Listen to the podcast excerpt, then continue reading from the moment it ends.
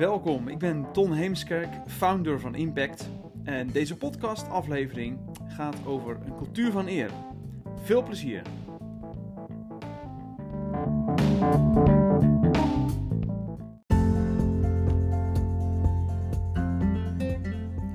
Deze podcast eh, ben ik begonnen omdat ik geloof dat ieder mens geboren wordt om een impact te maken. Of dat nou klein is of groot. Maar ik geloof dat uh, ja, ieder mens hier is op aarde om een verschil te maken. En we zijn allemaal uniek, uh, we zijn allemaal creatief, hebben iets ja, ontvangen waarvan ik geloof dat dat van God is, iets van zijn DNA. Ik zou zeggen, heel veel plezier met weer een nieuwe podcast van Impact. Laat je vooral motiveren, inspireren en activeren om jouw unieke uh, jij ook te laten zien in de wereld om je heen. And remember, you are destined to impact.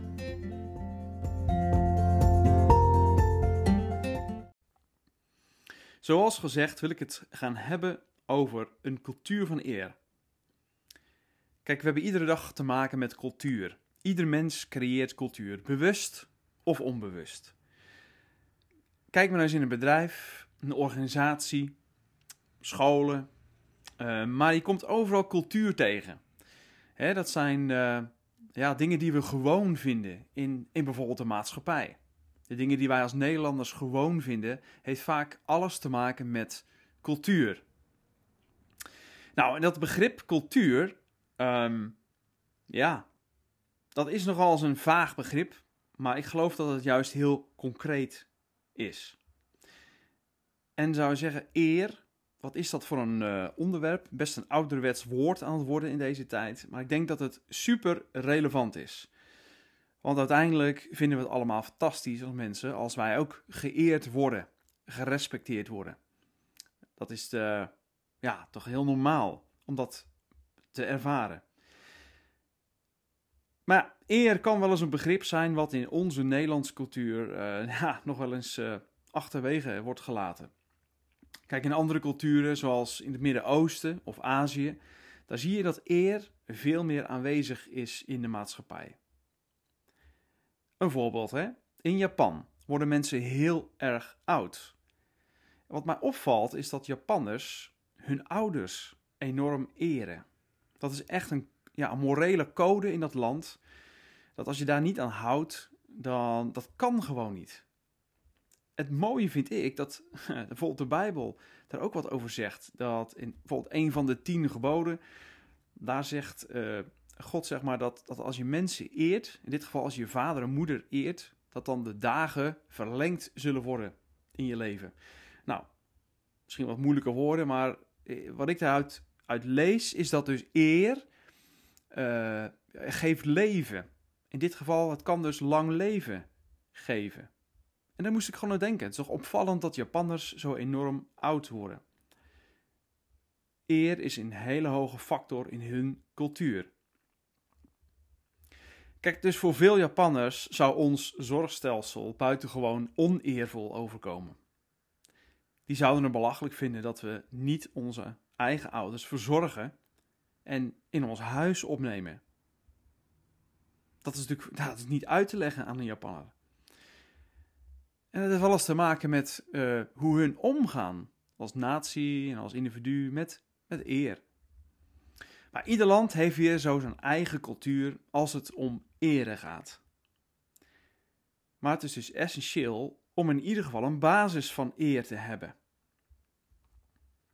Want ja, eer, uh, je zal het nodig hebben in je werk, in je relaties. Uh, we hebben er eigenlijk heel veel mee te maken. Heel vaak onbewust soms ook bewust. Maar eer is super belangrijk. Een cultuur van eer is niet alleen weggelegd voor het Midden-Oosten of voor Azië. Nee, het is ook nodig in ons Nederland. Nou, eer uh, heeft in het beginsel te maken, denk ik, met wat er in je hart leeft. Mensen die het makkelijk vinden om anderen te eren, hebben vaak een gezonde kijk op zichzelf. En ook hier en weer refereer ik dan naar de Bijbel, want in de Bijbel zie je dat er ook twee termen voorkomen en die ga ik vandaag met jullie eh, behandelen. Het zijn termen van identiteit. Als je identiteit gezond is, kun je ook veel gemakkelijker jezelf eren en ook anderen. Nou, de eerste term die we tegenkomen ook in de Bijbel is een wezengeest. Wat is dat nu, zou je zeggen? Nou, ik ga eens wat kenmerken noemen van een wezengeest. Hè, dit soort type mensen voelen zich vaak krachteloos en slachtoffer.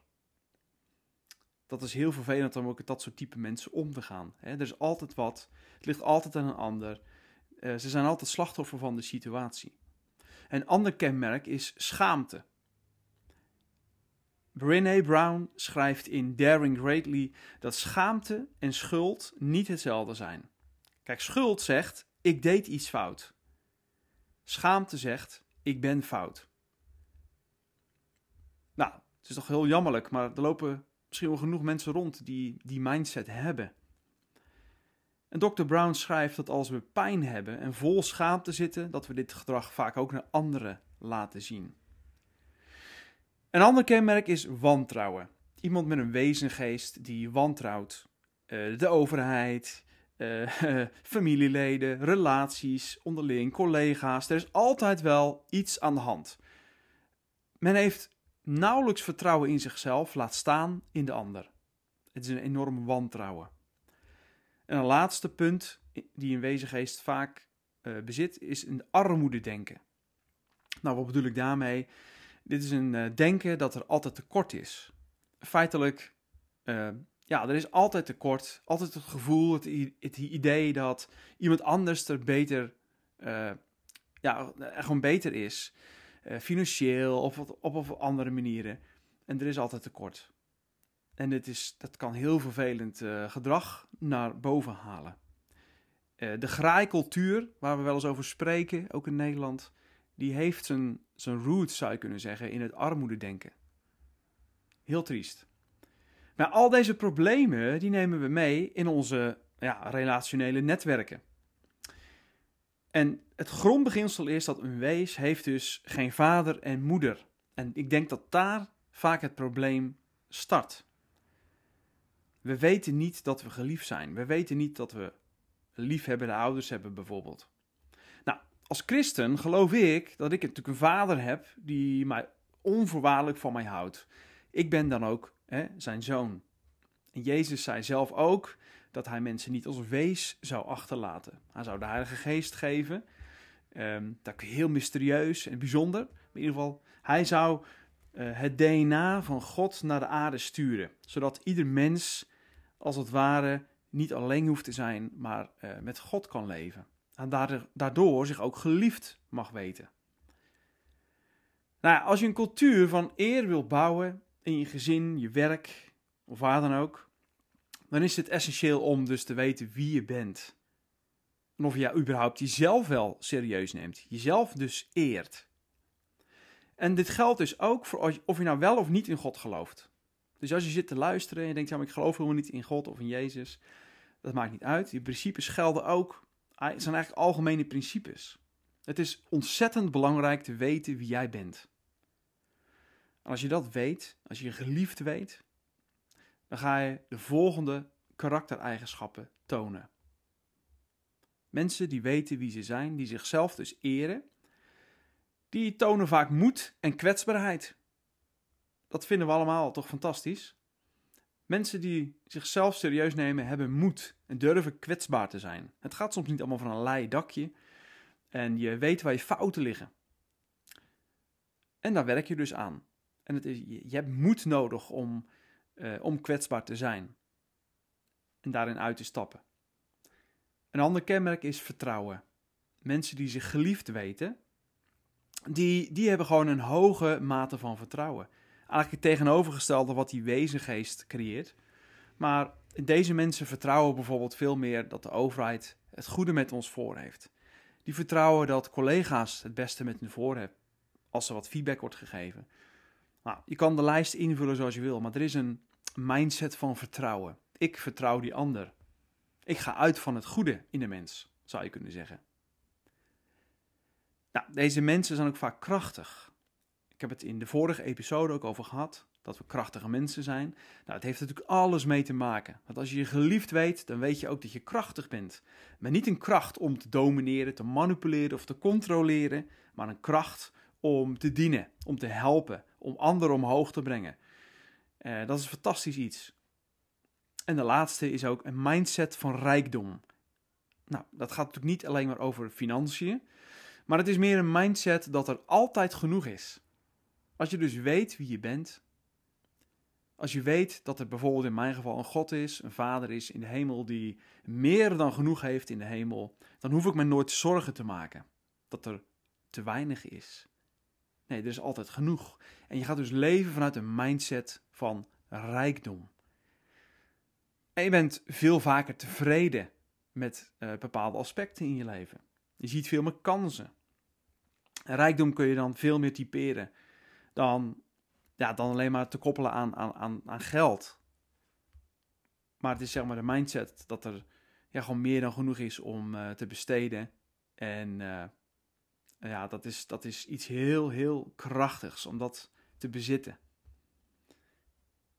Nou, wil je een cultuur van eer dus gaan zien, dan is dus de beste optie eerst om jezelf te leren omarmen. Jezelf eren om wie jij bent. Dan pas kun je ook anderen gaan eren. Nou, dat is de basis van de cultuur van eer. En ik ga de aankomende podcast daar iets uh, meer op in. En ik zou zeggen, succes deze week met het ontdekken met wie jij bent. En uh, schrijf eens op op een papier, een velletje A4 van uh, hoe kijk jij naar jezelf? Vind je het prettig? Wie jij bent? Herken je dingen van die wezengeest of, of juist niet? En weet je al dat jij geliefd bent, dat jij het toe doet? Nou, ga daar eens mee aan de slag. En uh, ik ben heel benieuwd wat uh, de effecten zullen zijn als jij gaat leren leven vanuit een cultuur van eer.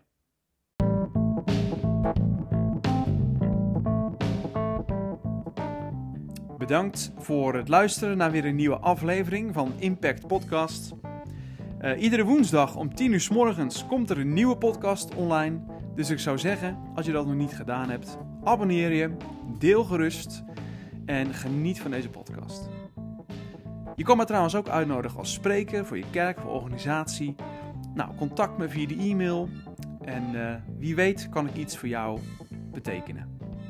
And remember, you are destined to impact.